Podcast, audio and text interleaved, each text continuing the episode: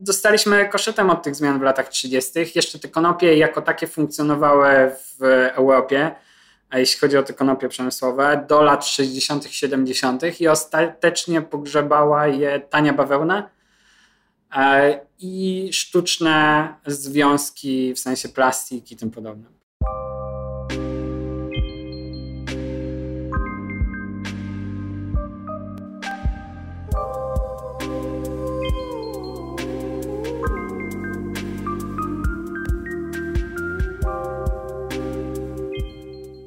Cześć, tu Ania Bienda i Muda Talks. Mm, a tematem mojego dzisiejszego spotkania będzie niezwykła, można powiedzieć nawet magiczna roślina, mm, która kryje przed nami jeszcze sporo tajemnic, a jest nami od wielu, wielu lat. Prawdopodobnie pierwotnym miejscem występowania tej rośliny była wyżyna tybetańska, skąd rozprzestrzeniła się do Europy około 6 milionów lat temu i wschodnich Chin nieco ponad milion lat temu, a najstarsze pozostałości pyłku na południe od Himalajów datowane są na 325 tysięcy lat temu. E, mowa oczywiście o konopiach, wielu i wiele z Was się tego tematu w Mudzie domagało, więc e, zbadałam to po swojemu, trochę poczytałam i postanowiłam zaprosić kogoś, kto dużo na ten temat wie. I mimo tego, że rozmawiamy z moim gościem głównie o kanabinoidach, trudne słowo, zawartych w konopiach i substancji psychoaktywnej, czyli THC, to w ogóle będziemy rozmawiać o takim bardzo szerokim zastosowaniu konopi mm, i w budownictwie, i, i jakby w, można zastąpić y, mm, drzewo konopiami, czyli można z nich wytwarzać papier, mleko, kosmetyki, olej mm, i wiele, wiele innych, e, innych rzeczy. A moim gościem będzie Michał Woźniak. Michał jest jednym z szefów e, mm, marki AirHealth. Odpowiada tam za marketing i wzrost, a jednocześnie lubi bardzo o sobie mówić, że jest po prostu tym kolesiem, który wie trochę więcej o CBD. Zapraszam Was, ponieważ y, dowiecie się, dowiecie się myślę, że, że znacznie więcej niż. Um, niż by się wydawało na pierwszy rzut oka. I rzeczywiście mm, CBD to nie jest główny temat naszej rozmowy, ale myślę, że Michał bardzo wiele wyjaśnia, czego ta branża potrzebuje, y, co więcej jeszcze z tych konopi możemy zrobić, jaka technologia jest do tego potrzebna i mm, dlaczego na przykład Stany Zjednoczone właśnie pracują nad tym, żeby tą e, roślinę zdepenalizować i, i przywrócić jej należyty, y, należyte miejsce y, w naszym życiu i jakby przywrócić ją do obiegu. Zapraszam. Tak, tak. Lubię tak o sobie mówić, bo wierzę w tą krzywą e, wiedzy, w sensie i doświadczenia, którą się często omawia, że na początku nam się wydaje, że wiemy bardzo dużo, później się okazuje, że nie wiemy nic. No i ja wydaje mi się, że jestem już tam w tym momencie, w którym przekroczyłem swój dół i wydaje mi się, że już coś tam Coś tam o tych konopiach i o CBD wiem. No i zajmuję się generalnie rozwojem e, naszej marki i częścią jakby naszych planów na przyszłość i tym, co chcemy robić. To jeszcze raz powiem, moim gościem jest Michał Woźniak, e, czyli właśnie, no dobra, jeden z szefów e, marki AirHealth, która się zajmuje, no właśnie, czym się zajmuje? Przede wszystkim produkcją CBD z własnych upraw, a także kilkoma jakby pobocznymi projektami związanymi bezpośrednio z konopiami mamy taką trochę wizję długoletnią, że tych odnóg konopnych, na których będziemy stali, będzie kilka.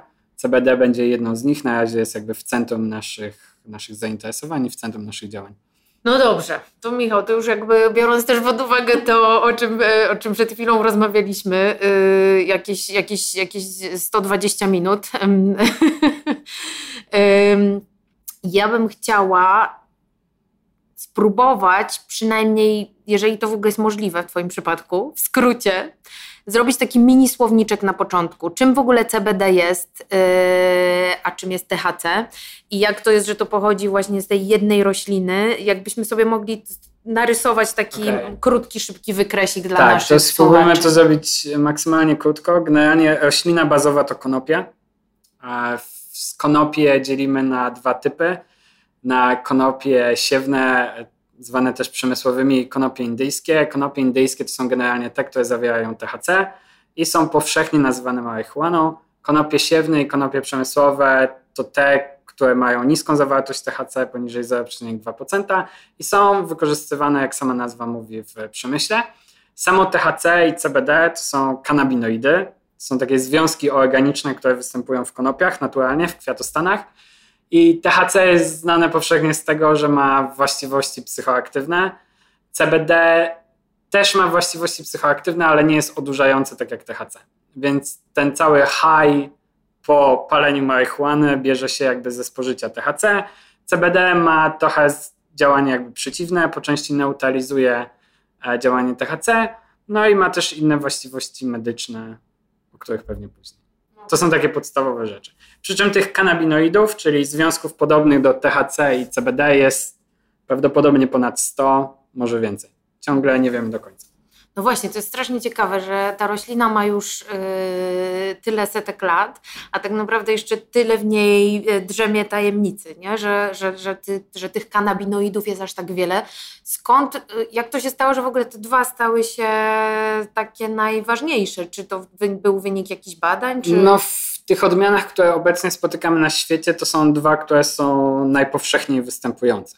To są formy aktywne, teoretycznie w kwiatostanie występują ich formy kwasowe, czyli CBDA i THCA, ale to są dwa związki, które występują najbardziej powszechnie i dlatego jakby trafiły na tapetę w pierwszej kolejności. THC wiadomo, bo chciano zdefiniować, co powoduje ten efekt odurzenia charakterystyczny dla konopi. E, CBD wyskoczyło kilka lat później jako kolejny związek, ale no coraz więcej się mówi o badaniu jakby kolejnych CBG, CBC, CBN i tak to zajmie jeszcze długie lata. Bo tak naprawdę niewiele ciągle wiemy o samym THC i CBD, więc o pozostałych związkach pewnie jeszcze długo nie będziemy wiedzieli wystarczająco dużo. Hmm. Jak się przygotowywałam do tej rozmowy z Tobą, to jak zaczęłam czytać o tym, co można w ogóle z konopi zrobić, tak. to zaczęłam się zastanawiać, dlaczego w ogóle nie jest tak, że my wszyscy, y, nie wiem, y, no, skoro, skoro ta roślina przynosi aż tak wiele benefitów, jest takim wspaniałym budulcem dla wielu materiałów, ale też i w ogóle dla wielu produktów i, i, występuje, może występować praktycznie wszędzie, to dlaczego nie mamy jej po prostu w każdym ogródku i nie rośnie w miastach? Kiedyś tak było. W sensie ja zawsze lubię opowiadać taką anegdotę, że e, różnie ludzie reagują na to, co robię, jak opisuję, gdzie pracuję i kiedyś zadzwoniłem do swojej 80-kilkuletniej babci i no mówię jej w sumie, że no, pracuję, my się zajmujemy konopiami i olejami z tych konopi i moja babcia miała bardzo entuzjastyczną, jak się okazało, reakcję na to i zaczęła mi wspominać, jak to w okresie wojennym nad Sanem mieli pola konopi i tłuczyli z nich olej. To był inny olej, bo chodziło o olej z nasion, no ale to jednak pokazuje, że ta świadomość w tym najstarszym pokoleniu jest wbrew pozorom całkiem duża.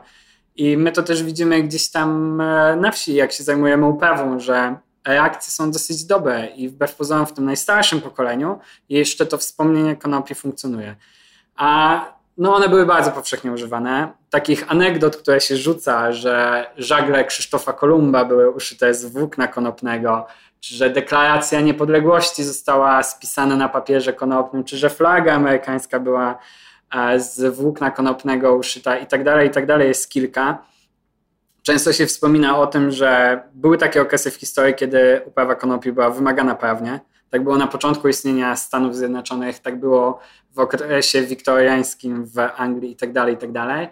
No i później nastąpił tak naprawdę zbieg bardzo niefortunnych zdarzeń, bo niestety to jest jedna z rzeczy, które skopiowaliśmy ze Stanów i bardzo dawno temu, bo w latach 30 w Stanach te konopie trafiły na czarną listę w, na początku lat 30. Tak naprawdę to następowało stopniowo, ale po części był to efekt rasistowskiej polityki rządu amerykańskiego, bo marihuana jako taka była i konopie kojarzone z imigrantami z Meksyku, więc chcąc jakby chronić czystość e, społeczeństwa amerykańskiego przed tymi imigrantami, przedstawiano ich jako tych wiecznie odurzonych konopiami żeby chronić to społeczeństwo długofalowo stwierdzono, że trzeba zakazać w ogóle e, sprzedaży i dystrybucji marihuany i jakby konopia jako roślina cała dostała rykoszetem w tym momencie.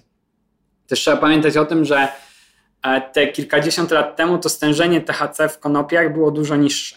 Tak naprawdę to rozwarstwienie na konopie przemysłowe, indyjskie i tak dalej, to są trochę sztuczne podziały. One tak naprawdę botanicznie nie mają, to jest wieczna dyskusja, która trwa, czy to powinno się dzielić pod względem botanicznym, czy nie. Te podziały są dosyć sztuczne. To my przez ostatnie 40-50 lat prohibicji sprawiliśmy, że ten poziom THC w tych roślinach urósł. W sensie z tego względu, że one są nielegalne, no to trzeba było maksymalnie zmniejszyć uprawę, więc zwiększyć ilość tego środka odłużającego. Kiedyś tego THC było mniej, więc jakby to, o czym mowa jakby o paleniu trawy czy marihuany w latach 60., czy wcześniej w XIX-XX wieku, to jest zupełnie inna marihuana niż ta, która jest gdzieś tam obecnie na rynku. No ale dostaliśmy koszetem od tych zmian w latach 30. Jeszcze te konopie jako takie funkcjonowały w Europie, a jeśli chodzi o te konopie przemysłowe, do lat 60., 70. i ostatecznie pogrzebała je tania bawełna e, i sztuczne związki, w sensie plastik i tym podobne. Po prostu okazało się, że konopie są droższe, no i w ten sposób jakby zniknęły z naszego horyzontu. No a po latach się okazało, że źle policzyliśmy koszty, w sensie, że nie wzięliśmy w ogóle pod uwagę kosztów środowiskowych, tylko liczyliśmy wszystko po jakby tylko wartości kontraktów i cenie surowca. No i to był błąd i teraz tak naprawdę wracamy do tego, niewiele wiedząc o tym, co robimy. No to hmm. trzeba powiedzieć wprost. Nawet nie wiesz, jak bardzo moje y, serce się raduje, że powiedziałeś o tym, że coś było tańsze, czyli zamieniliśmy no w tak, zasadzie tak. Dobry, dobry produkt, bo nie tylko konopie, ale też len, mówię o materiałach, tak. na bawełnę, bo się okazała tańsza w uprawie, ale tańsza właśnie dla kogo? Niekoniecznie tańsza, tak naprawdę ostatecznie dla nas w wszystkich. W ogólnym bilansie na pewno nie. No, nawet śmieję się, bo Główny Urząd Statystyczny od czasów swojego powstania po, podaje len i konopie jako jedną kategorię upraw. W sensie to pokazuje, że to pokazuje tak naprawdę, jakie było pierwotne zastosowanie, jakie było myślenie o konopiach. No my jeszcze w latach 60. i 70. mieliśmy 30 tysięcy hektarów w Polsce i absolutne niziny e, osiągnęliśmy na początku XXI wieku. Zeszliśmy chyba do 70-80 hektarów. No to jest nic tak naprawdę. I to 80 hektarów było chyba rozbite na 70 gospodarstw. Czyli tak naprawdę ktoś tam miał jakieś niewielkie poletka i tak to funkcjonowało, przy czym trzeba by pewnie założyć, że Instytut miał połowę z tego, a reszta to były jakieś pojedyncze małe, małe ilości. Teraz ten trend trochę się odwraca, no ale długa droga przynajmniej. No dobra, Michał, to zaraz do tego jeszcze wrócimy, ale powiedz mi, bo to mnie bardzo ciekawi. Jak mam sobie, skoro mam już specjalistę tutaj yy, yy, pod ręką, mam całą roślinę, tak. Którą jest konopia. I co się do czego nadaje? To znaczy CBD powstaje z czego? Z, kwiatostanów. No właśnie, Generalnie... ale mamy jeszcze liście, łodygi, tak. nasiona. Patrząc na to, idąc od góry, to kwiatostany to jest to medyczne zastosowanie. W sensie z tych samych kwiatostan, kwiatostanów, tylko ze zwiększoną zawartością THC powstaje ta medyczna marihuana, która jest w aptekach. A te kwiatostany suszone są używane do ekstrakcji CBD więc jakby kwiatostan jest e, wykorzystywany medycznie. Jeśli poczekamy dłużej, to nasiona, które zostaną uzyskane z tej rośliny, posłużą do produkcji na przykład oleju konopnego. On nie zawiera wtedy kanabinoidów, czyli nie ma jakby tych właściwości stricte medycznych w takim sensie, jak rozmawiamy o tym, ale jest bogaty w kwasy omega-3 na przykład, więc w kategorii takich typowych olejów, nazwijmy to sałatkowych, to myślę, że stałby w gdzieś w okolicach podium. A dalej mamy łodygę, z której można wyprodukować tak naprawdę milion rzeczy i sky is the limit chyba trochę w tym momencie. A można pozyskać z niej włókno. Dlatego, że konopie zawierają też dużo celulozy. Tak, bardzo dużo celulozy, znacznie więcej niż, e, niż drzewa. Można pozyskać włókna, z tego włókna oczywiście można wykonać różne materiały e, i tak dalej. Można produkować z tego odzież, materiały bardziej wytrzymałe. Generalnie przyjmuje się, że po prostu włókno konopne jest dosyć wytrzymałe. Tutaj wchodzą oczywiście różne metody pozyskiwania, różne e, etapy, na których to się robi. Jest ta zdrewniała część, którą można wykorzystać albo na paździerz, albo można z tego zrobić później beton konopny. Można ją wykorzystać do opału i przyjmuje się, że tak naprawdę konopie pochłaniają tak dużo CO2 w fazie wzrostu, że jeśli się spali ten, tą zdewniałą część konopi, to bilans wychodzi w zasadzie na zero w momencie tego spalania, no więc jakby z takiego ogólnego postrzegania tej gospodarki CO2, no to bardzo atrakcyjna, atrakcyjna sprawa. A różne rzeczy z tego produkowano. No, są pomysły produkcji plastiku konopnego, były już też podejście do produkcji jakichś części dla branży automoto e, i tak dalej, i tak dalej. No tak naprawdę bardzo szerokie zastosowania. Jest papier oczywiście konopny, który nie jest tak atrakcyjny wizualnie jak papier pochodzący z drewna, no ale na pewno konopie są bardziej przyjazne dla środowiska i jest to taki, takie rozwiązanie, które no, jest bardziej stabilne z punktu widzenia środowiska. W sensie konopie są bardzo łatwe do odtworzenia tak naprawdę. Czas e, wzrostu rośliny, żeby uzyskać taki, taką roślinę, z którą można już przerobić na przykład na paździerz włókna czy, czy papier, to jest załóżmy 100-120 dni, to zależy od klimatu a przy drzewach no to mówimy o czasie minimum 6 razy dłuższym, żeby w ogólnym bilansie to się zgadzało. No to no i drzew nie chcemy ścinać. No właśnie. To, a powiedz mi w takim razie, jak bardzo wymagająca jest uprawa konopi? Jeśli chodzi tak naprawdę o warunki, które są niezbędne, żeby te konopie zasiać, żeby one urosły, to no nie są one zbyt wymagające. To jest jedna z najpowszechniej rosnących roślin na świecie, która się przyjmuje naprawdę w prawie każdym klimacie. Oczywiście jest wiele odmian. Niektóre odmiany się nadają lepiej do jednych celów, inne się nadają lepiej do drugich celów itd. Tak itd. Tak no przy czym e, te warunki glebowe nie są zbyt wymagające. Więc jeśli mówimy o uprawie pod kwiatostany, to na pewno te wymagania glebowe będą wyższe. Jeśli mówimy o uprawie na przykład pod włókna czy pod paździerz, no to te wymagania będą znacznie, znacznie niższe i praktycznie no myślę, że prawie wszędzie będzie można je uprawiać. Konopie też z zasady nie potrzebują jakoś bardzo dużo wody. To jest też pułapka, w którą bardzo łatwo wpaść, jak się wprowadza jakąś nową uprawę i okazuje się, że ona jest bardzo wodochłonna. Są dosyć mieszane badania na ten temat. Niektórzy twierdzą, że w niektórych częściach Stanów, tam gdzie ta uprawa stała się bardzo popularna, to trzeba te uprawy podlewać, na przykład w Colorado że oni muszą jednak dodawać wodę, żeby osiągnąć te rezultaty, które chcą, no ale oni uprawiają to głównie pod kwiatostany. A jeśli chodzi o warunki polskie, to myślę, że w prawie każdej części kraju można to swobodnie uprawiać, nie bojąc się zbyt mocno o to, na czy zabraknie wody. rolnej ziemi. Tak, na bardzo przeciętnej rolnej ziemi. E, przy czym to nawet będzie z korzyścią długofalową, jeśli się stosuje płodozmian, bo jakby konopie bardzo mocno użyźniają glebę, mają bardzo długie korzenie, dobrze spłuchniają tą glebę, oddają dużo składników e, do niej i tak dalej. E, no my jesteśmy w Wielkopolsce. Wielkopolska to jest po części cień opadowy. Nie mamy tutaj e, większych problemów z tym. Także myślę, że są części krajów, w których to by było jeszcze łatwiejsze. Czyli rośnie sobie to jaki czas do, do momentu ścięcia? Tak naprawdę zależy jaki jest cel tego ścięcia i no też zależy jaki się trafi rok, sezon i tak dalej. No ale myślę, że 100-120 dni E, przeciętnie. Trochę dłużej, najdłużej w zasadzie, jeśli chcemy uzyskać nasiona, trochę, trochę krócej, jeśli chcemy uzyskać kwiatostany, znacznie krócej, jeśli chcemy, żeby to było włókno, e, ponieważ to włókno najlepiej odchodzi, jak jest młode, e, więc ścina się szybciej. Zakładam, że w takich warunkach klimatycznych, w jakich jesteśmy obecnie w Polsce, czyli mówimy o no, jakby ocieplaniu się sezonów, nie ma co tego ukrywać, a moglibyśmy w przypadku upraw na włókno zmieścić dwa zbiory w roku. W sensie siejąc gdzieś tam na początku kwietnia i licząc na to, że nie będzie przymorozków, pewnie do października można by obrócić to dwa razy, żeby uzyskać z tego włókno. Więc mówimy o bardzo dużej efektywności jednego hektara. Niesamowicie to brzmi, naprawdę, bo mówisz tak o y, odżywianiu gleby, o oczyszczaniu CO2. Już pomijam, zaraz będziemy rozmawiać też o wszystkich aspektach y, medycznych. Y, no po prostu nowe złoto. Niesamowite, że na nowo to odkrywamy, co? Dopiero mm. teraz. I w zasadzie może, może powiesz, czemu my to teraz odkrywamy, Michał? Odkrywamy ten wątek bardzo interesuje. Bo znowu jesteśmy pod wpływem Stanów Zjednoczonych i znowu przełożyła się wajcha i nagle się okazało, że konopie nie są takie straszne.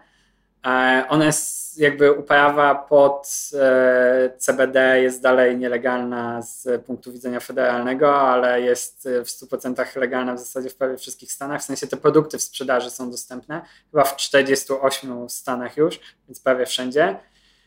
E, zmieniły się trendy. Nagle okazało się, że administracja amerykańska dostrzegła bardzo dużą szansę w rozwoju tego e, konopnego rolnictwa, tak to nazwijmy, we wszystkich obszarach, bo to już nie mówimy tylko o CBD, nie mówimy tylko o medycznej marihuanie, nie mówimy o rekreacyjnej marihuanie, która też jakby zyskuje w Stanach na popularności, już jest legalna w znacznej części kraju. Zmieniły się trendy i te trendy zaczynają docierać do nas. I to powinniśmy się też trochę nad tym zastanowić, ponieważ jesteśmy ciągle kilka lat za.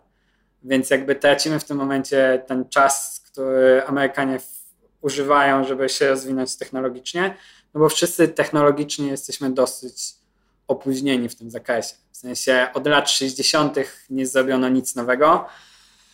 I to wszystko trzeba będzie na nowo przywrócić, rozwinąć i zmodernizować do czasów obecnych w każdym aspekcie tak naprawdę, od e, tkanin przez e, jakby szerszą produkcję tego paździerzu, szerszą produkcję betonu konopnego z tego, optymalizację wydajności, produkcję plastiku itd., tak itd. Tak no i jakby w naszym interesie jako e, jakby kraju i wszystkich mieszkańców jest to, żeby ta branża zyskała wiatr w żagle jak najszybciej żebyśmy nadganiali tą stratę kilkuletnią, którą już mamy do rynku na przykład amerykańskiego. Hmm. Czyli znowu jest tak, że wydaje nam się, że na coś e, e, na nowo wpadliśmy, ale wcale nie, bo e, okazuje tak, no... się, że że to, musi, że to musi znowu przyjść z Ameryki. No i też nie dlatego, że Ameryka nam mówi, co, co, co jakby jakie są, jakie są trendy, ale bardziej, bardziej o tym, że po prostu ich prawo się zmienia. E, no i to też, co powiedziałeś mi wcześniej. No i zmienia że... się moda. Jakby pojawia po prostu produkty z CBD gdzieś tam się pojawiły w globalnej świadomości, za nimi zaczynają się pojawiać materiały konopne w globalnej świadomości. Jakby dla nas strata największa polega na tym, że my mamy bardzo dobry instytut badawczy w Polsce, który się konopiami zajmuje od prawie zawsze. Jest to jednostka naukowa, która ma na koncie kilka własnych odmian konopi, e, bardzo dobrze zoptymalizowanych właśnie pod włókna czy pod nasiona i tak dalej. Tak Znajduje się tu, gdzie jesteśmy, Znajduje w się w Poznaniu, dokładnie.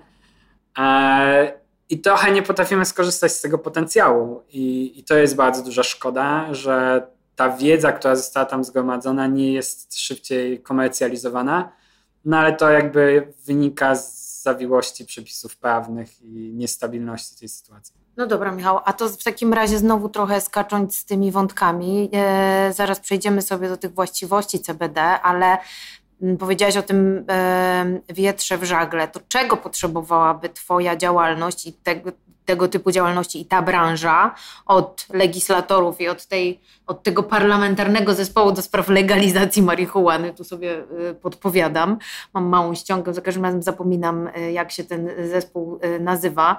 Mm, co, I czym on się w ogóle dzisiaj tak naprawdę zajmuje, a czym mógłby się zająć? Co by wam, co by wam ale może nawet nie wam, co by nam wszystkim przy, w pracy nad tymi konopiami pomogło? Bo ty mówiłeś o tym też bardzo, to było ciekawe, co powiedziałeś, że mm, jak, jak już, że Amerykanie będą dużo szybciej gotowi do tych zmian, które już szykują, a my będziemy cały czas parę lat, parę lat do tyłu i będziemy musieli to jak zwykle nadganiać w jeden dzień. Więc czego by tak naprawdę mm, ta branża oczekiwała od legislatorów tutaj w Polsce? To jest takie wielowątkowe trochę pytanie, no bo z jednej strony mamy cały wątek legalizacji rekreacyjnej marihuany, czy depenalizacji itd., tak itd. Tak I to jest ten wątek, który wzbudza najwięcej kontrowersji. No ja osobiście stoję na straży poglądu, że szkodliwość społeczna i zdrowotna jest tak niska tej substancji w porównaniu z alkoholem, nikotyną itd., tak itd., że nie ma żadnych powodów, żeby ona była tak restrykcyjnie limitowana w dostępie. Zresztą wszystkie dane ze Stanów, tam gdzie została rekreacyjna marihuana zalegalizowana, pokazują, że to wcale nie prowadzi do ilości osób, które się w jakikolwiek sposób uzależniają, co wcale nie prowadzi do skokowego wzrostu spożycia. To spożycie jakby rośnie w pierwszym momencie, no bo każdy idzie sprawdzić, co zostało zalegalizowane, ale później się normuje tak naprawdę na tym samym poziomie. A daje to oczywiście poza taką stricte ekonomiczną częścią, czyli przychody do budżetu z racji opodatkowania, daje też e, znacznie wyższy poziom jakby bezpieczeństwa dla finalnego użytkownika, bo on nie kupuje jakiegoś lewego towaru z ulicy, tylko kupuje po prostu medyczny produkt w aptece czy w specjalnym punkcie. Także to jest jedna część. Dążenie do tego, jakby moim zdaniem, jest w interesie po prostu społeczeństwa. Druga część to jest zniesienie ograniczeń dotyczących uprawy. Dalej funkcjonujemy w takim systemie, w którym jest rejonizacja tych upraw, więc e, Sejmik e, musi wydawać zgody na areał e, upraw konopnych w danym województwie, w danym okresie. To jest podzielone oczywiście gdzieś tam na gminy. Trzeba występować o zgodę, trzeba mieć określonego jakby odbiorcę na, momencie zasiewu, czyli nie jest tak, że na przykład zasiejemy sobie 20 hektarów konopi i na koniec się będziemy zastanawiać, co z tym zrobimy. Tylko tak naprawdę prawo wymaga od nas, żebyśmy już na tym pierwszym etapie określili, kto te konopie od nas kupi jako od rolnika.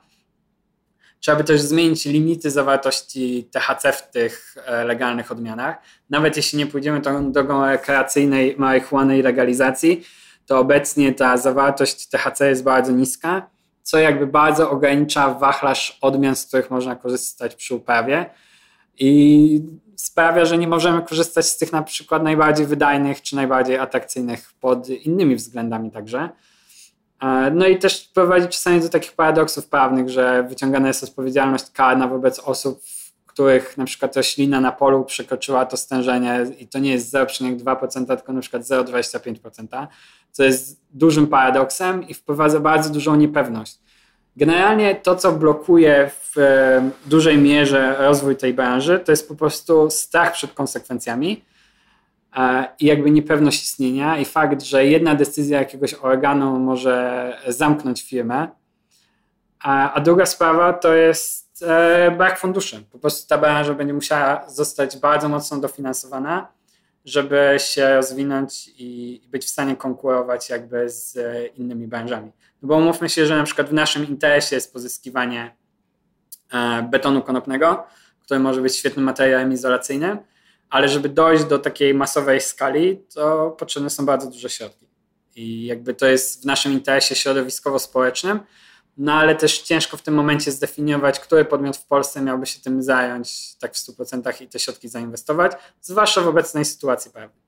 No bo umówmy się, że jeśli masz na przykład, chcesz mieć 1000 hektarów uprawy konopi po to, żeby wyprodukować z tego paździerz i wyprodukować z tego ten beton, to czy będziesz ryzykować, jeśli grożą ci takie sankcje tylko dlatego, że na przykład zawartość azotu w glebie będzie wyższa i przekroczysz to stężenie THC dozwolone w roślinie przez przypadek? No żadna poważna firma w sensie tego nie zrobi. Także to są takie niuanse, które trzeba by usprawniać.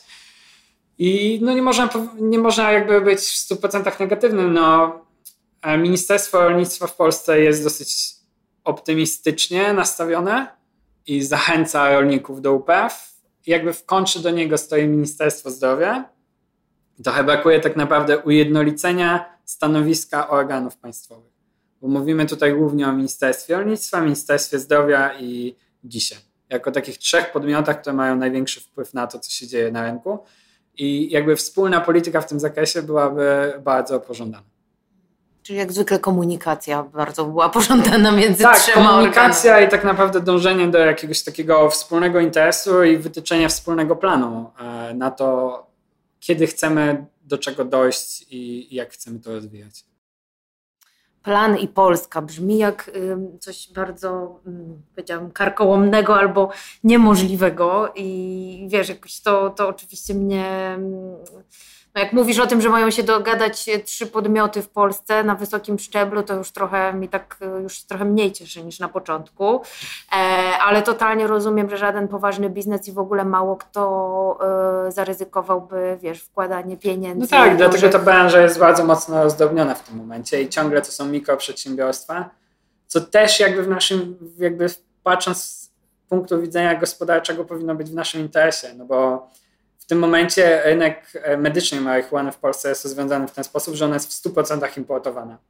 I no, jeśli będziemy utrzymywać dalej taką sytuację, to dojdziemy w pesymistycznym wariancie do punktu, w którym wszystko będzie importowane. No i nie wykorzystamy bardzo dobrej sytuacji, w której możemy rozwinąć pewną branżę u siebie i bardzo dużo rzeczy produkować tu na miejscu, jakby ograniczając tym samym już, pomijając aspekty gospodarcze, ograniczając też negatywny wpływ transportu e, na środowisko. Widzisz, jak ty to mówisz, to to się wydaje banalnie proste. Po co importować drogie produkty? Yy, nawet to, jak medyczną marihuana, tak? W sensie, wiesz, jakby sobie myślę, że importujemy już pierdyliard najróżniejszych rzeczy. A jeszcze ściągamy to od kanadyjskiej firmy. No to właśnie, więc koszty, już nie mówię o przewożeniu tego, jakimś tam śladzie węglowym i tak dalej, ale przede wszystkim koszty tak naprawdę czegoś, no co jest zwykłą rośliną, która może rosnąć właśnie pod Poznaniem i tutaj tylko, tylko um, udogodnienia prawne spowodowałyby, że to, ten temat by się tak. e, niesamowicie w Polsce rozwinął. No niestety takim dobrym przykładem tego, jak się powinno to robić są chyba Niemcy gdzie oczywiście nie ma jeszcze zalegalizowanej rekreacyjnej marihuany, ale jest dosyć szeroki, nawet bardzo szeroki dostęp do tej medycznej. No i na rynku niemieckim dostarczają ją głównie niemieckie firmy.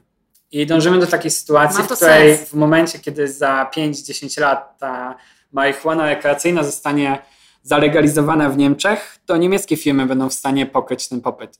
My w tym momencie, jakbyśmy w Polsce ogłosili na przykład, że nie wiem, od 1 stycznia 2022 roku staje się ona legalna i powszechnie dostępna, no to polskie firmy nie są gotowe w tej chwili, żeby ten popyt pokryć. Do tego się dochodzi stopniowo i to jest know-how, który trzeba gdzieś tam pozyskiwać. Także to jest, to, jest to taka robią... sytuacja niebezpieczna, no bo nawet jeśli dojdziemy do pełnej legalizacji, to w tym momencie będziemy musieli wszystko importować. To jest to, co robią dzisiaj Stany, czyli zanim to całkowicie zlegalizują, przygotują y, tak, do no tego oni idą system. stan po stanie tak naprawdę i w sumie to jest idealne rozwiązanie w ich wypadku, no bo myślę, że oni już dzisiaj są w stanie pokryć sobie w 100% swoje zapotrzebowanie. Kanadyjczycy też się przygotowali. Mogę tylko westchnąć e, smutnie i e, i po prostu przekazać później ten odcinek um, Uli Zielińskiej, która jest w komisji e, właśnie e, w tym parlamentarnym zespole do spraw legalizacji marihuany. Więc pozdrawiam Ulę i na pewno ten odcinek do niej dotrze. Mm, a powiedz mi jeszcze, Michał, w takim razie, bo teraz tak, wracając trochę do jednak waszego produktu i też może waszych planów później. Dzisiaj tak naprawdę w, w, tych badań, które są takie najbardziej legitne i mają największą grupę, y, są przetestowane na największej grupie, CBD i te wszystkie olejki, które, które właśnie nie tylko wy robicie, bo tego jest rzeczywiście dzisiaj jakby totalnie dużo na rynku, działa głównie na epilepsję. Tak. To znaczy są dowody na to legitne, Głównie tak, że, na różne odmiany padaczki, rekopa. Że tak, ale co jeszcze? Bo ja powiem Ci, stosowałam na sobie ten, ten, ten Wasz e, produkt, czyli ten z, 300, z 3000 mg czystego ekstraktu CBD. Rzeczywiście mi to pomaga w momentach takiego, wiesz, takiego jakiegoś e, dużego wyskoku ciśnienia, czy tam adrenaliny i, i wiesz, i zdenerwowania. ale na przykład próbowałam to brać na sen I no nie wiem, to mi jakoś specjalnie w ten sen chyba dodatkowo nie wprowadza. Może ja też jestem wyjątkowo oporna i na przykład sobie myślę, niech to zadziała, niech to zadziała, niech to zadziała, ale tym bardziej mogłoby działać jako takie placebo nawet. Yy, więc jakie ma, no bo ty pewnie wiesz y, dokładnie a propos badań i też opowiedz o tych badaniach, które wy teraz y, będziecie szli, na co to może działać. Wiesz, czy, czy to po prostu, czy wystarczy też tylko to nasze przekonanie, że to po prostu działa, no bo to jaką, jaką właśnie, wiesz, jaką y, to przeżywa absolutną popularność tak, dzisiaj. Absolutny boom. CBD, absolutny boom i tych, też tych firm jest mnóstwo na rynku aktualnie, więc też chciałabym cię zapytać, dlaczego AirHealth i czym, czym, czym się różni od innych marek to wiesz, w ogóle jak to wybrać i na co to może nam rzeczywiście pomóc. Dobra, to podzielimy to pytanie na dwie części. Ja jestem absolutną mistrzynią tak, za, za zadawania pytań bardzo złożone, tak, tak, bardzo złożone pytanie. E, na co to pomaga? Cały boom na CBD tak naprawdę zaczął się od e, padaczki e, lekoopornej i to jest faktycznie to schorzenie, które nadało pęd zdarzeniom. I od tego się zaczęły badania. To był oczywiście efekt eksperymentów e, rodziców, dzieci z tymi formami padaczki. Trochę pokazuje też jakby paradoks tego, jak to działa, że jakby to przyszło do nas oddolnie. W tym momencie jest jeden lek, który ma w składzie tylko CBD. To jest lek właśnie na niektóre formy tej padaczki. Badania na temat zastosowania w ogóle konopi i nie tylko CBD, ale też wszystkich miksów CBD z THC, z innymi kanabinoidami w innych schorzeniach to jest temat rzeka. I musimy tutaj mieć świadomość tego, że przeprowadzenie takich badań, które są z podwójną ślepą próbą, czyli ani podający, ani osoba przyjmująca nie wie, co tak naprawdę bierze, czy to jest placebo, czy środek, e, w odpowiednich warunkach itd., tak itd., tak wymaga dwóch rzeczy: czasu i środków finansowych. W tym momencie, jeśli otworzymy sobie PubMed, to zobaczymy, że ilość tych badań, które zostały zgłoszone, po prostu lawinowo rośnie, bo zmienił się dostęp do CBD, to przestało być traktowane jako, tak jak e, THC, jako narkotyk, więc e, ośrodkom badawczym znacznie łatwiej jest pozyskać substancje do badań, znacznie łatwiej jest znaleźć finansowanie na to i oczywiście to się stało takim teraz gorącym tematem z tego względu, że jest bardzo dużo do odkrycia. A umówmy się, że jak się zajmujesz badaniami, to pokusa tego, że przeprowadzisz badania, które coś zmienią, jest bardzo duża i to jest coś, czym wszyscy chcą się zajmować. Dlatego jakby ilość tych badań rośnie. Ale ilość tych zakończonych badań w tym momencie jest jeszcze relatywnie niewielka. E, problem z tymi badaniami, które są, jest dwojaki. Po pierwsze, testuje się we wszystkich bardzo duże dawki, ponieważ to są wczesne badania zastosowania CBD i THC w danych chorobach, więc jakby zależy wszystkim na tym, żeby osiągnąć maksymalnie możliwe rezultaty, więc te dawki są podawane bardzo duże. E, a dwa, bada się dosyć skrajne schorzenia. W sensie w pierwszej kolejności zainteresowano się tymi schorzeniami, w których sytuacja pacjentów, że tak to brzydko nazwę, jest beznadziejna. Czyli w przypadku schizofrenii, w przypadku stwardnienia rozsianego itd., tak itd. Tak I w tych obszarach są już pierwsze badania na ludziach, bo to jest też ważne, żeby potrafić sobie rozdzielić badania na komórkach od badań na zwierzętach i od badań na ludziach. W tych e, jakby obszarach tego stwardnienia rozsianego schizofrenii są pierwsze wyniki badań i one są bardzo pozytywne. W sensie nie mówimy w żadnym wypadku, i to jest dosyć kluczowe, jeśli rozmawiamy w ogóle o stosowaniu konopi, nie mówimy o wyleczeniu kogoś. Mówimy o łagodzeniu objawów. I o ile to może brzmieć błaho, to jeśli mamy na przykład pacjenta z reumatoidalnym zapaleniem stawów, które jest bardzo powszechnym skorzeniem, w zasadzie na które nie ma dobrej, dobrej skutecznej terapii teraz, która by nie była szkodliwa dla organizmu, to jeśli mamy takiego pacjenta, który ocenia swój ból w skali od 1 do 10 na przykład na 8 albo 9 i on musi z tym bólem żyć na co dzień, to jeśli my poprzez podawanie konopi jesteśmy w stanie zbić ten poziom bólu do, nie wiem, 5-6 punktów, to to jest już masowy sukces. I jakby pozytywne efekty i pozytywne wyniki z tych badań przy tych trudnych schorzeniach zaczęły wpływać bardzo mocno na wyobraźnię wszystkich przy takim powszechnym stosowaniu. Są oczywiście wyniki badań, na przykład bardzo często się teraz bada lęk i fobia społeczna. To jest, to jest na przykład, co, ja to nazywam chorobą XXI wieku, bo to jest coś, z czym się mierzy bardzo dużo osób, często bardzo nieświadomie przez długi okres czasu. I Tutaj są na przykład pierwsze wyniki badań. Testowano na przykład, nie wiem, w 2019 roku testowano grupę e, japońskich nastolatków, podzielono ich na pół, wszystko było odpowiednio przeprowadzone, podwójna ślepa próba i był spadek tych objawów fobii społecznych po czterech tygodniach bania CBD. Czyli nie mówimy tutaj nawet o takim skokowym zastosowaniu, że ktoś przyjął jedną dawkę i poszedł, wygłosił mowę swojego życia, tylko mówimy o takiej sytuacji, gdzie na przykład te objawy się osłabiły o 30-40%. Czyli nie jest to takie ewolucyjne e, działanie, które zmienia wszystko, ale jest to wyraźna poprawa stanu. Dlatego my często mówimy, że CBD ma służyć poprawie jakości życia. I to jest, wydaje mi się, właściwe określenie. To nie jest terapia na wszystko, to nie jest absolutnie złoty lek na wszystko. Absolutnie też stoję na straży poglądu, że nie wszyscy muszą to CBD brać. E, samo działanie CBD wynika z tego, że My mamy w swoich ciałach, tak samo jak wszystkie ssaki, coś, co się nazywa układem endokanabinoidowym. I ten układ endokanabinoidowy produkuje endokanabinoidy, czyli takie ludzkie wersje kanabinoidów z rośliny. To jest w ogóle moim zdaniem, jeśli jest jakiś największy mindfuck wokół konopi, to fakt, że istnieje roślina, która produkuje związki, które działają na układ istniejący w naszych ciałach.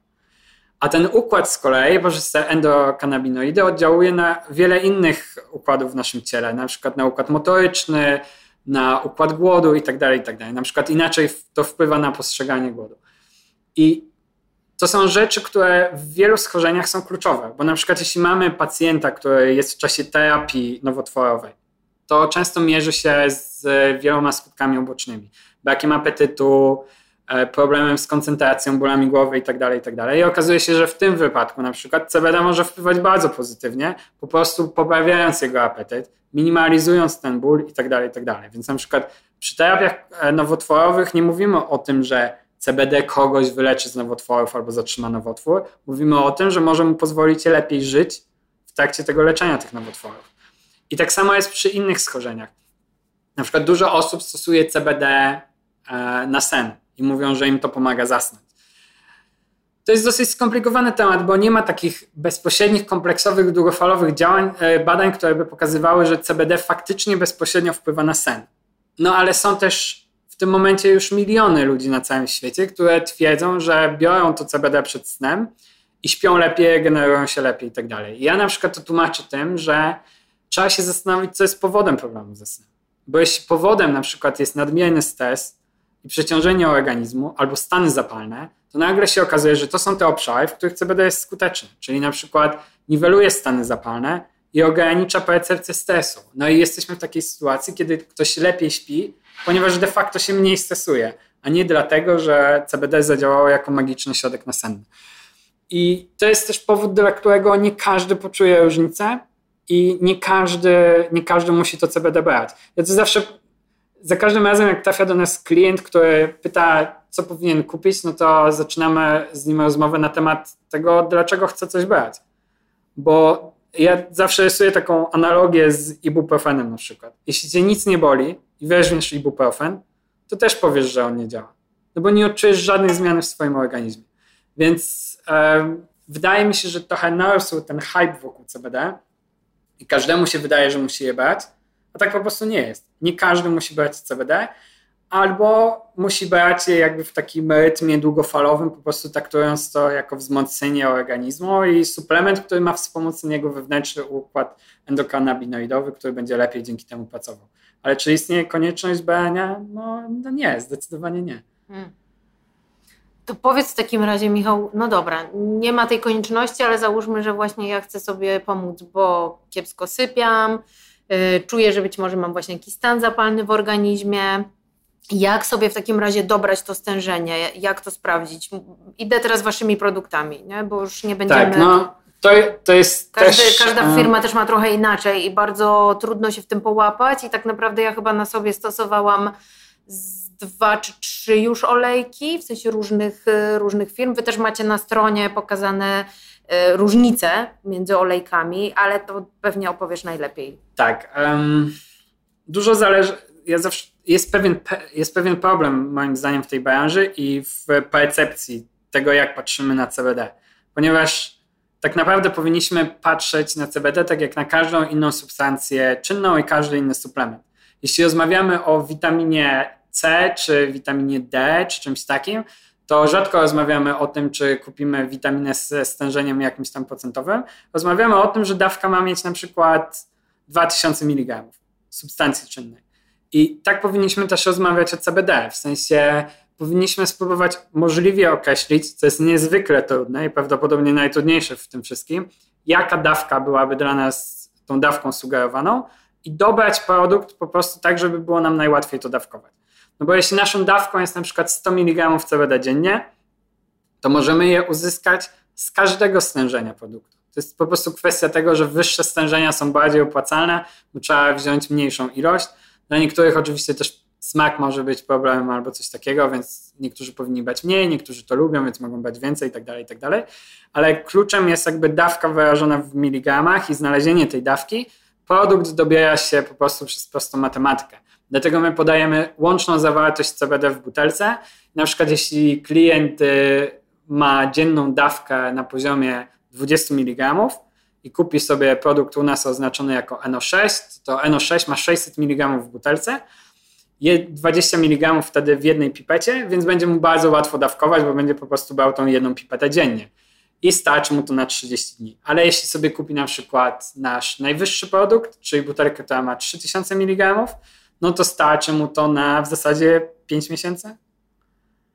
I będzie musiał brać wtedy jedną piątą e, pipetę. Więc e, kwestia doboru, jakby moim zdaniem stężenia produktu jest drugorzędna. Najważniejsze jest, żeby wiedzieć, ile chce się brać i unikać takich trendów e, bardzo popularnych podawania dawek na przykład w kroplach. Dużo, to jest taki mit internetowy, gdzie wszyscy opisują, ja biorę jedną kroplę tego, dwie krople tego. Ja zawsze zadaję w tym momencie pytanie, co to znaczy kropla? Kropla kropli nie jest równa. Tak naprawdę kropla z pipety, która ma pół mili, litra jest często dużo mniejsza od takiej, która jest kroplą z 1 ml pipety. Ciężko się to odmierza, no bo tak naprawdę musisz wlać ten e, olej pod język, więc nie wiem jak patrzysz na to, ile tych kropli tam wlewasz, jak musisz to wlewać pod język. E, produkty mają różne stężenia i tak dalej, i tak dalej, więc ludzie sobie podają na przykład uniwersalne jakieś tam rozwiązania, typu ja biorę dwie czy trzy krople, a w różnych produktach to jest różna zawartość CBD, więc tego bym unikał i zawsze bym się trzymał tych, tych miligramów nieszczęsnych. A czym się różni izolat? Izolat to jest tak naprawdę wyizolowany z całego ekstraktu tylko jeden związek, czyli CBD i on jest rozpuszczany w oleju MCT, żeby zwiększyć wchłanialność, bo kanabinoidy wchłaniają się generalnie z tłuszczami, nie z wodą, więc jakby my wyciągamy tylko ten izolat CBD, a robimy to z tego względu, że część grup społecznych po prostu potrzebuje izolatów. Czyli jeśli mówimy o na przykład służbach mundurowych czy zawodowych sportowcach, na przykład CBD jest dozwolone przez WADę, czyli Międzynarodową Organizację Antydopingową, ale możesz mieć we krwi tylko i wyłącznie CBD. Nie możesz mieć CBG, CBDA czy innych naturalnie występujących kanabinoidów, które są w naszych olejach z pełnym spektrum. Więc jest pewna grupa, która jest tam zainteresowana. No i są też pacjenci medyczni. W sensie wszystkie badania, na przykład e, jeśli chodzi o padaczkę u dzieci, są wykonane na izolacie, ponieważ bada się substancje zwykle z jedną, e, bada się leki z jedną substancją czynną. No i to jest produkt kierowany jakby pod grupę medyczną już mam, mam, wiesz co, mam tyle informacji teraz od Ciebie, że w zasadzie myślę, że ten odcinek można by podzielić na legislację, y, technologię, y, medycynę. Nie wiem, czego jeszcze, y, czego jeszcze Michał, nie poruszyliśmy. Ale powiedz mi, bo rozmawialiśmy też o tym, jak bardzo ta branża dzisiaj jest właśnie zromantyzowana. Porównywaliśmy to do tego, jak kiedyś kiedyś się mówiło, że każdy miał kiedyś marzenie, żeby mieć własną knajpę, e, co wiadomo, że jest bzdurą, absolutnie, znaczy w sensie bzdurą, to nie jest bzdura, to jest piękna rzecz, tylko ile to wymaga pracy. Myślę, że dzisiaj bardzo podobną branżą mogłoby być e, właśnie posiadanie pola konopi. Dlaczego to nie jest wcale aż takie proste? Znaczy, wiadomo, nic nie jest proste, żyjemy w Polsce, też jakby prowadzenie działalności tutaj to jest tor z przeszkodami, ale ale, ale jakbyś miał powiedzieć, w zasadzie dlaczego to robisz? No bo jak sobie rozmawialiśmy tutaj przed nagraniem, to rzeczywiście tych zależności, tych obostrzeń i jeszcze wiesz, ryzyka, jakie się podejmuje, jest tak dużo, że po co się w ogóle w to pchać? Z drugiej strony mówi się o tej branży i o tym rosnącym rynku tyle, że w zasadzie wydawałoby się, tak jak dzisiaj, nie wiem, farmy fotowoltaiczne, czyste złoto. Idziemy w to. E, jakbyś miał powiedzieć o blaskach i cieniach i, i dlaczego ty w ogóle się na to zdecydowałeś, już nie mówiąc o tym, że jesteś absolutnie moje wielkie szapoba, chodzącą encyklopedią wiedzy na ten temat, bo nie spodziewałam się po kimś po Uniwersytecie Ekonomicznym, że będziemy rozmawiali o takich aż szczegółach, e, szczerze mówiąc. Tak, po logistyce. Myślę, że wszyscy moi promotorzy są ze mnie bardzo zadowoleni. E, blaski i cienie. No, blaski są dosyć łatwe do określenia, ponieważ to jest po prostu ekscytujące. Jest grupa ludzi, którzy lubią robić rzeczy nowe. Jeśli ktoś chce się znajdować w tej przedniej fali jakiejś zmiany, to ta branża ciągle jest w takim etapie. W sensie mówimy ogólnie o uprawie konopi, przetwórstwie tych konopi na różne rzeczy. Ten rynek CBD jest na przykład moim zdaniem teraz już absurdalnie nasycony jest bardzo dużo osób zdecydowało się na takie proste rozwiązania typu otwieranie sklepu konopnego i tak dalej, i tak. Wydaje mi się, że to jest teraz w tym momencie bardzo zły pomysł. E, z tego względu, że po prostu nie ma jeszcze takiego popytu na to. E, mało kto chce tak naprawdę na ten popyt e, pracować i prowadzić taką działalność edukacyjną. Wszyscy chcieliby sprzedawać, jeśli chodzi o takie działanie promujące, tłumaczące i tak dalej, i tak to nagle się robi dosyć pusto na tej imprezie. E, więc to jest jakby obszar, w którym można się ciągle rozwijać. No ale to jest, to jest po prostu ekscytujące. Mówimy o konopiach. W momencie, w którym stajesz na wprost 4-metrowej ściany zieleni, to jest w tym taki fajny deszcz i też takie poczucie, że robisz coś, coś w dobrym kierunku. W sensie mało jest w tym momencie takich. Ja nie mówię, że konopie są bezapelacyjnie doskonałe, powinniśmy wszystko zrobić z konopi i tak dalej, i tak dalej, bo oczywiście, że tak nie jest, ale czasami ludzie mają takie poczucie, że chcieliby robić coś w dobrym kierunku i ch chcieliby robić coś, co może prowadzić długofalowo do jakiejś zmiany. I wydaje mi się, że praca w tym obszarze jest trochę taką pracą. W sensie, że długofalowo można się przyczynić do pewnej szerokiej zmiany, która wyjdzie ogółowi społeczeństwa po prostu na dobre. To brzmi bardzo idealistycznie i trochę zalatuje taką tanią gadką, ale to jest po prostu fajne uczucie I, i to jest pewnie jeden z powodów, dla których to robimy, bo chcemy robić coś fajnego i chcemy robić to dobrze. A, a jeśli chodzi o cienie, no to jest ich wiele, bo bycie jakby w na czele jakiegoś pochodu, czy tam, no oczywiście ja nie mówię, że my jesteśmy jako firma na czele, ale no jesteśmy w grupie tych firm, które są pionierami tej branży e, w tym momencie na rynku, to no to się wiąże niestety z ryzykiem i z faktem, że tak jak mówimy, że ta legislacja jest jeszcze niedopracowana i tak dalej, i tak dalej, no to firmy takie jak nasza na rynku na co dzień się z tym zmagają i trzeba mieć bardzo dużo jakby zapału, cierpliwości i motywacji do tego, żeby po prostu się nie wystraszyć i nie cofnąć i tego nie porzucić. To nie jest też tak, że entowność tego jest jakaś absurdalnie duża. E, no, myślę, że trzeba mieć pomysł na siebie też w tym. W sensie nie da się łatwo skopiować jakiegoś rozwiązania. Łatwo jest skopiować sklep z CBD, w sensie gotowy, ale czy to odniesie teraz jakiś większy sukces, nie wydaje mi się. E, mało jest źródeł takiej rzetelnej wiedzy. Bardzo ciężko jest do kogoś zadzwonić, czy do kogoś napisać, umówić się na spotkanie i tak dalej. Pozyskać jakąś specjalistyczną wiedzę, która nam się pozwoli rozwinąć. I wiele takich bardziej innowacyjnych jakby działań, które się odbędą na tym rynku konopnym, czy to plastik, czy to tkaniny i tak dalej, i tak dalej, no to będzie metoda prób i błędów. Trzeba być na to przygotowanym i mentalnie, i finansowo, że nie będzie prostej drogi do sukcesu. My nawet z tą odzieżą mamy taką sytuację, że zajmuje nam to już miesiące, żeby doprowadzić to do takiego stanu, żeby finalny produkt był odpowiedni i zadowalający dla wszystkich. No więc e, trzeba mieć bardzo dużo motywacji w sobie i dużo cierpliwości też do takiego podejścia stricte urzędowo-papierkowego. Hmm.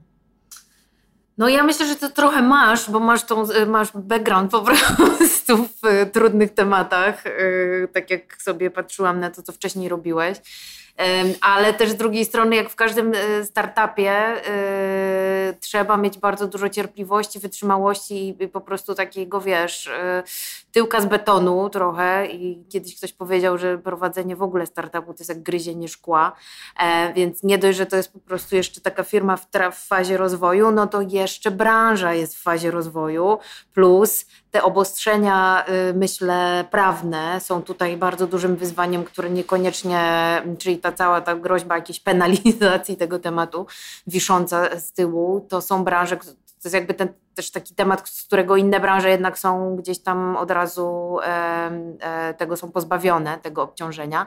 No ale dobra, to już tak na koniec sam, e, podsumowując Michał, to jakie AirHealth ma teraz plany? Bo ja mam w ręku wasze właśnie dwie koszulki z, z konopi, ale z domieszką bawełny. E, czy co? Czy kolejnym krokiem to będą koszulki z, czystej, z, czystej, z czystych konopi, czy to będzie właśnie ten plastik z konopi, czy może, nie wiem, olej, mleko, kosmetyki, jak wiemy, czy, czy hempcrete, czyli ten, ten beton konopny, bo no, naprawdę z tej rośliny można zrobić niesamowicie dużo rzeczy, na co wasza dzisiejsza technologia wam w ogóle pozwala. To, to jest trochę tak, że są plany długofalowe i krótkofalowe. Długofalowo to na pewno chciałbym, żebyśmy kiedyś byli w takiej, w takiej pozycji, gdzie będziemy mogli wykorzystać całą roślinę do jakichś celów i będziemy mieli kilka nóg, na których będziemy stali w zakresie produktów konopnych. to jest bardzo długofalowy cel. Krótkofalowym celem, takim dla nas najważniejszym jest to, że szykujemy się do badań klinicznych na pacjentach z reumatoidalnym zapaleniem stawów. Chcemy przeprowadzić badania na dużej grupie 300 pacjentów z podwójną ślepą próbą. Um, chcemy zobaczyć po prostu, na ile CBD jest w stanie im rzetelnie pomóc. I to jest jakby dla nas główny projekt rozwojowy w tym zakresie takim medycznym i rozwoju produktów e, z CBD.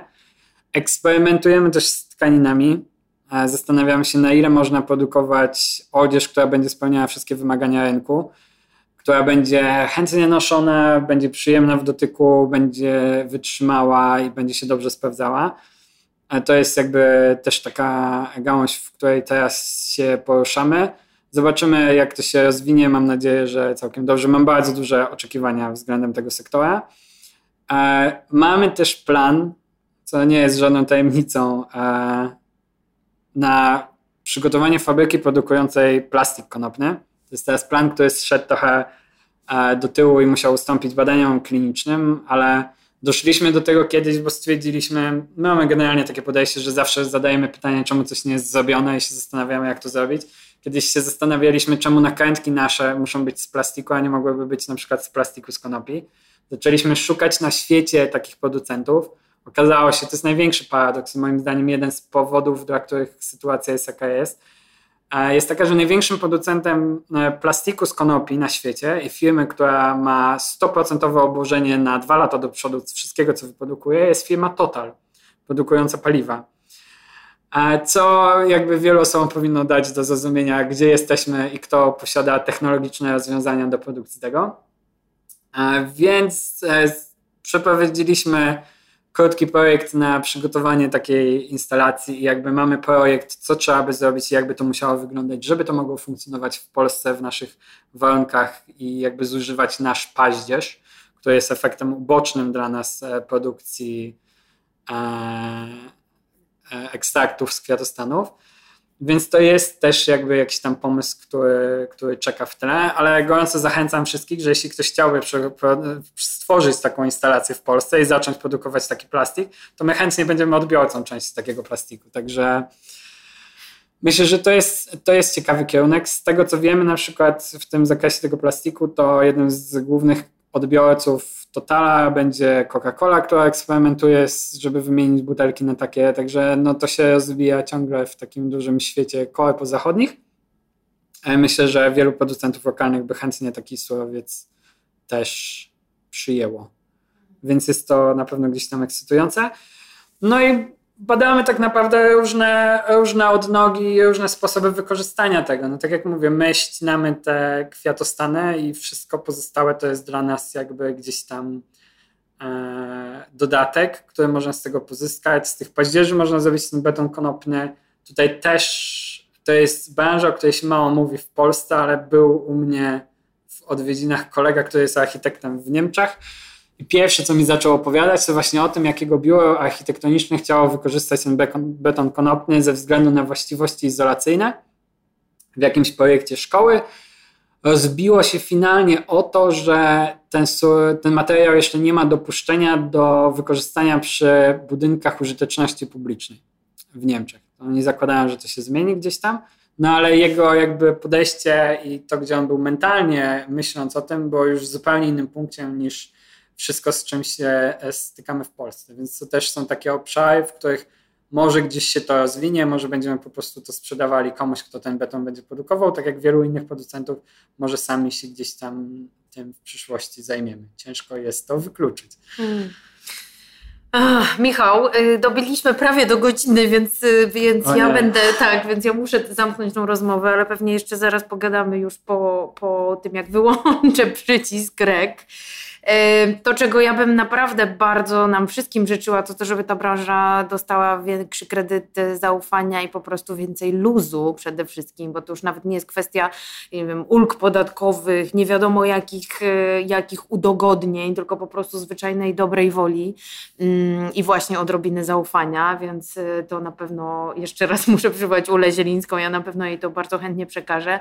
A dwa, to zachęcamy innych do, do po prostu pracy nad plastikiem z konopi i w ogóle przyjrzenia się temu surowcowi mm, dużo bliżej, dużo bardziej pod lupą i zobaczenia, co jeszcze można Plastiku, z tego wykorzystać. paździerzy, materiałów, wszystkiego. Tak, rzeczywiście ta lista jest strasznie długa. Zanim jak się przygotowałam do rozmowy z Tobą i sobie zaczęłam szukać informacji, to w zasadzie naprawdę moim pierwszym pytaniem było do Ciebie, dlaczego to po prostu nie rośnie wszędzie.